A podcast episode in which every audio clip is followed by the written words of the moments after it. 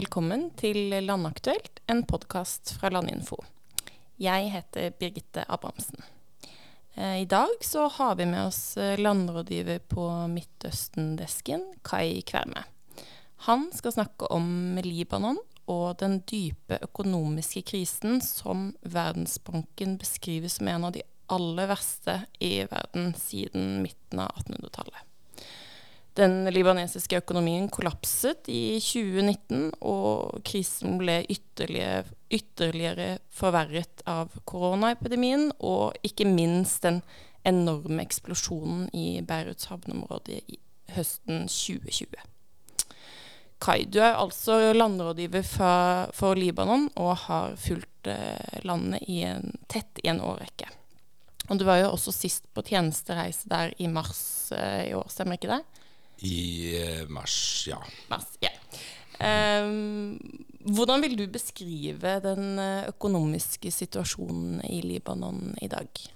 Det er jo slik som du sier, at eh, økonomien har på mange måter kollapset. Bankvesenet fungerer ikke lenger. Alle bankene er stengt. Man fyller bare i eh, minibanker med, med, lokal valuta. Dette har jo sin eh, bakgrunn i det økonomiske systemet som ble konstruert etter borgerkrigen i 1990 eh, hvor syrerne da okkuperte landet, eh, og hvor den eh, prosyriske eliten på mange måter eh, fordelte både makt og penger seg imellom.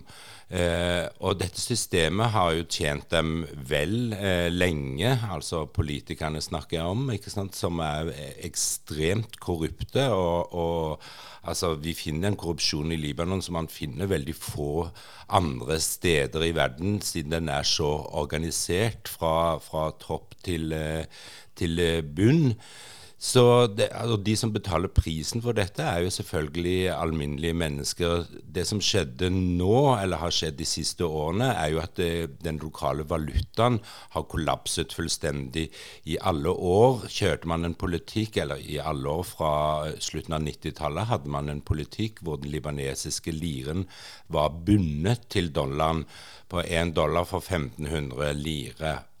Men dette kollapset jo, og i dag, dag morges, var en eh, dollar over 40 000 lire. Og dette er jo helt katastrofalt for folk som får betalt lønnen sin i lire.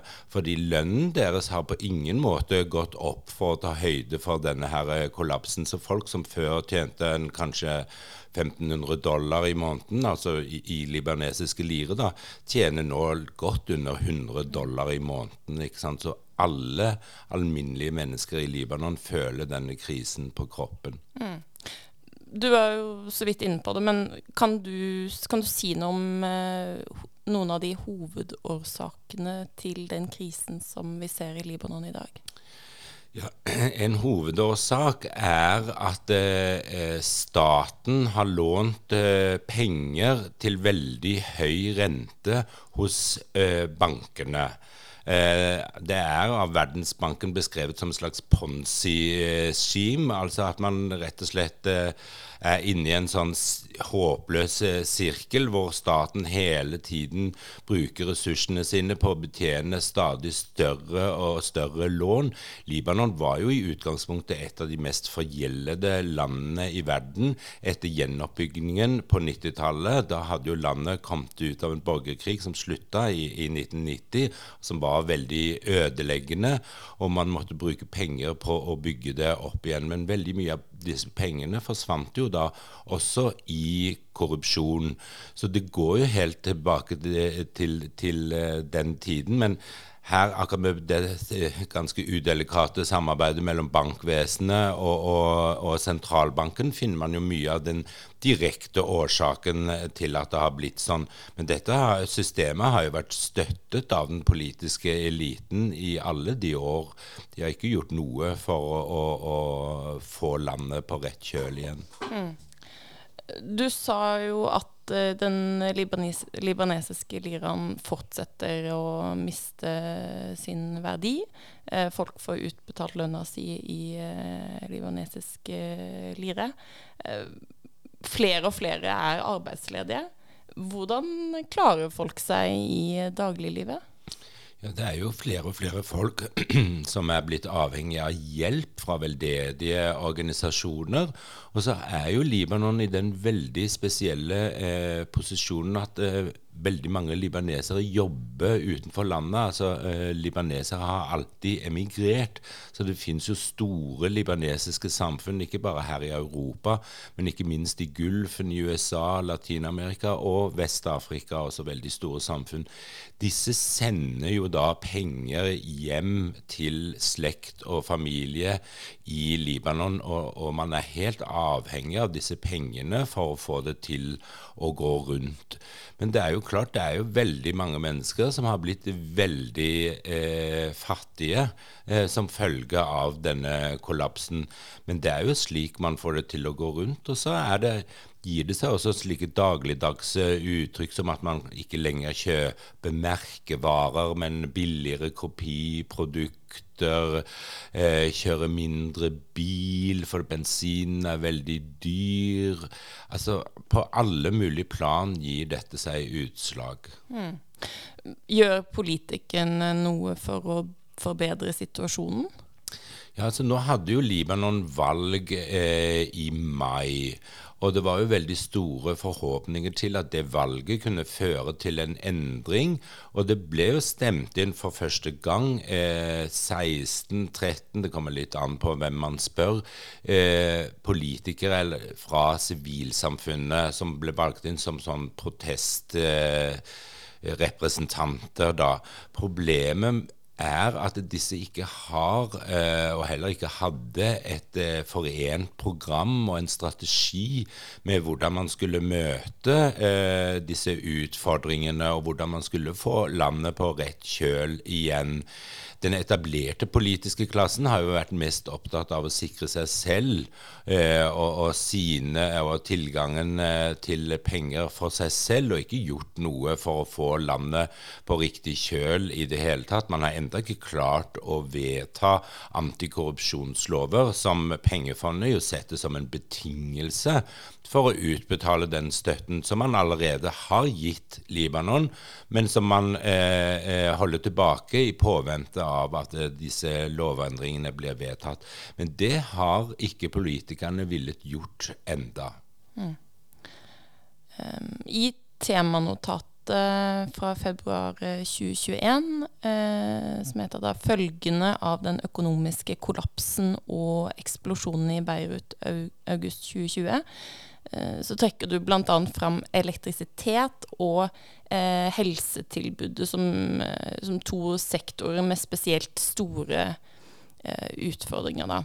Eh, kan du si noe om eh, situasjonen for disse sektorene i dag? Altså, vi kan jo starte med elektrisitet, da, som allerede var et tilbud som var relativt begrenset også før denne krisen. Ja, elektrisitetssektoren er jo en av de sektorene som aldri har blitt ordentlig bygd opp igjen etter borgerkrigen. Eh, man har mottatt enorme summer eh, for å, å, eh, rekonstruere denne sektoren, men de har forsvunnet ned i lommene på politikere. Det har alltid vært regnet for å være svært eh, svært eh, lukrativt å sitte på energiministeriet, fordi man har kunnet eh, få utrolig store summer ut av dette her. Eh, det var før krisen kanskje slik at man hadde en seks-sju timer dag, om dagen med elektrisitet, noen ganger tolv i Beirut. Nå har man knapt en time eller to om dagen. Eh, folk har jo alltid brukt generatorstrøm også for å veie opp for den manglende strømmen fra staten, men denne har jo også blitt mindre av i, i takt med at dieselen man bruker for å drive disse generatorene, har blitt dyrere, og tidvis også eh, har det vært mangel på, på, diesel. Så det er jo klart at denne sektoren eh, ligger jo helt i ruiner, og dette gir seg jo voldsomme utslag for folk. Dette med at man ikke kan kjøpe inn mer enn det man skal bruke til samme dag, fordi man har ikke strøm til å drive kjøleskap f.eks. Det, det, det, det er jo sånne ting som folk føler direkte på kroppen. Samtidig som at akkurat denne sektoren også er jo en av de sektorene der korrupsjonen blir grellest og tydeligst for folk. Og den situasjonen i, E-verket, Electricité du Luban, som er det statlige elverket som skal levere eh, strøm til, eh, til, folk, de klarer jo heller da ikke å levere strøm til sykehus, f.eks. Og sykehus er jo da helt avhengig av generatorer for å få driften til å, eh, å gå rundt. Mm. Eh, og dette koster jo enormt mye penger. Eh, helsevesenet er stort sett privatisert. Prisene går opp for å få behandling, samtidig som den forsikringen folk må ha, eh, som dekker, har skulle dekke behandling på, på sykehus, dekker mindre og mindre eh, for typer eh, behandling. Eh, så, så mm. be, begge disse to sektorene eh, ligger på mange måter med brukket rygg. Det er riktig at helsevesenet i noe grad har, har kommet seg mer på beina enn en strømsektoren. Eh, men stadig er det slik at det har blitt veldig mye dyrere og vanskeligere for alminnelige mennesker å få behandling. Kreftpasienter f.eks. sliter med at medisiner man trenger ikke komme inn, det er altfor dyrt å kjøpe dem. Eh, pasientene må selv kjøpe dem, det koster svimlende summer, og dette har ikke alminnelige mennesker råd til. Mm. Du var så vidt inne på det. Medisiner. Er, eh, er Libanon avhengig av import av medisiner. Hvordan er medisintilbudet generelt? Eh? Libanon har ikke noen egen farmasøytisk eh, industri, så man importerer det man trenger av medisiner. Og det er jo klart, sånn som situasjonen er nå Det var jo en stund under krisen hvor det var mangel på mange medisiner. Det var mangel på helt alminnelige eh, Paracet en, en periode. Nå får man jo tak i eh, det aller meste, men det koster penger. Eh, så det fører jo til at eh, hvis du ikke har råd til å betale, nei, da får du heller ikke den behandlingen du trenger. Mm. I eh, oktober i år så ble jo Israel og Libanon enige om en eh, avtale om de maritime grensene mellom de to landene. Eh, og dette kan jo mul muligens åpne opp for en libanesisk uh, gassutvinning. Uh, vil denne avtalen, eller tenker man at denne avtalen kan ha potensial til å forbedre den økonomiske situasjonen som Libanon står i? Ja, Stort sett nå så tror jeg nok eh, folk eh, tenker at dette vil bare være enda en kilde som politikerne kan plyndre eh, og stappe eh, pengene i sin egen lomme, snarere enn at det vil komme staten til gode. Det finnes jo som sagt ikke noe ordentlig antikorrupsjonsregelverk på plass. Og så er det jo også slik at Libanon ligger jo langt tilbake når det gjelder eh, industri, når det gjelder å være forberedt på å sette i gang noe produksjon av denne gassen.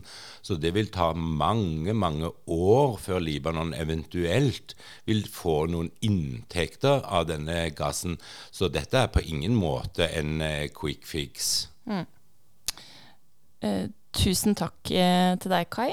dersom du ønsker å lese mer om bakgrunnen for den økonomiske kollapsen og konsekvensene av denne, så finner du temanotatet følgene av den økonomiske kollapsen og eksplosjonen i Beirut august 2020 på våre nettsider landinfo.no.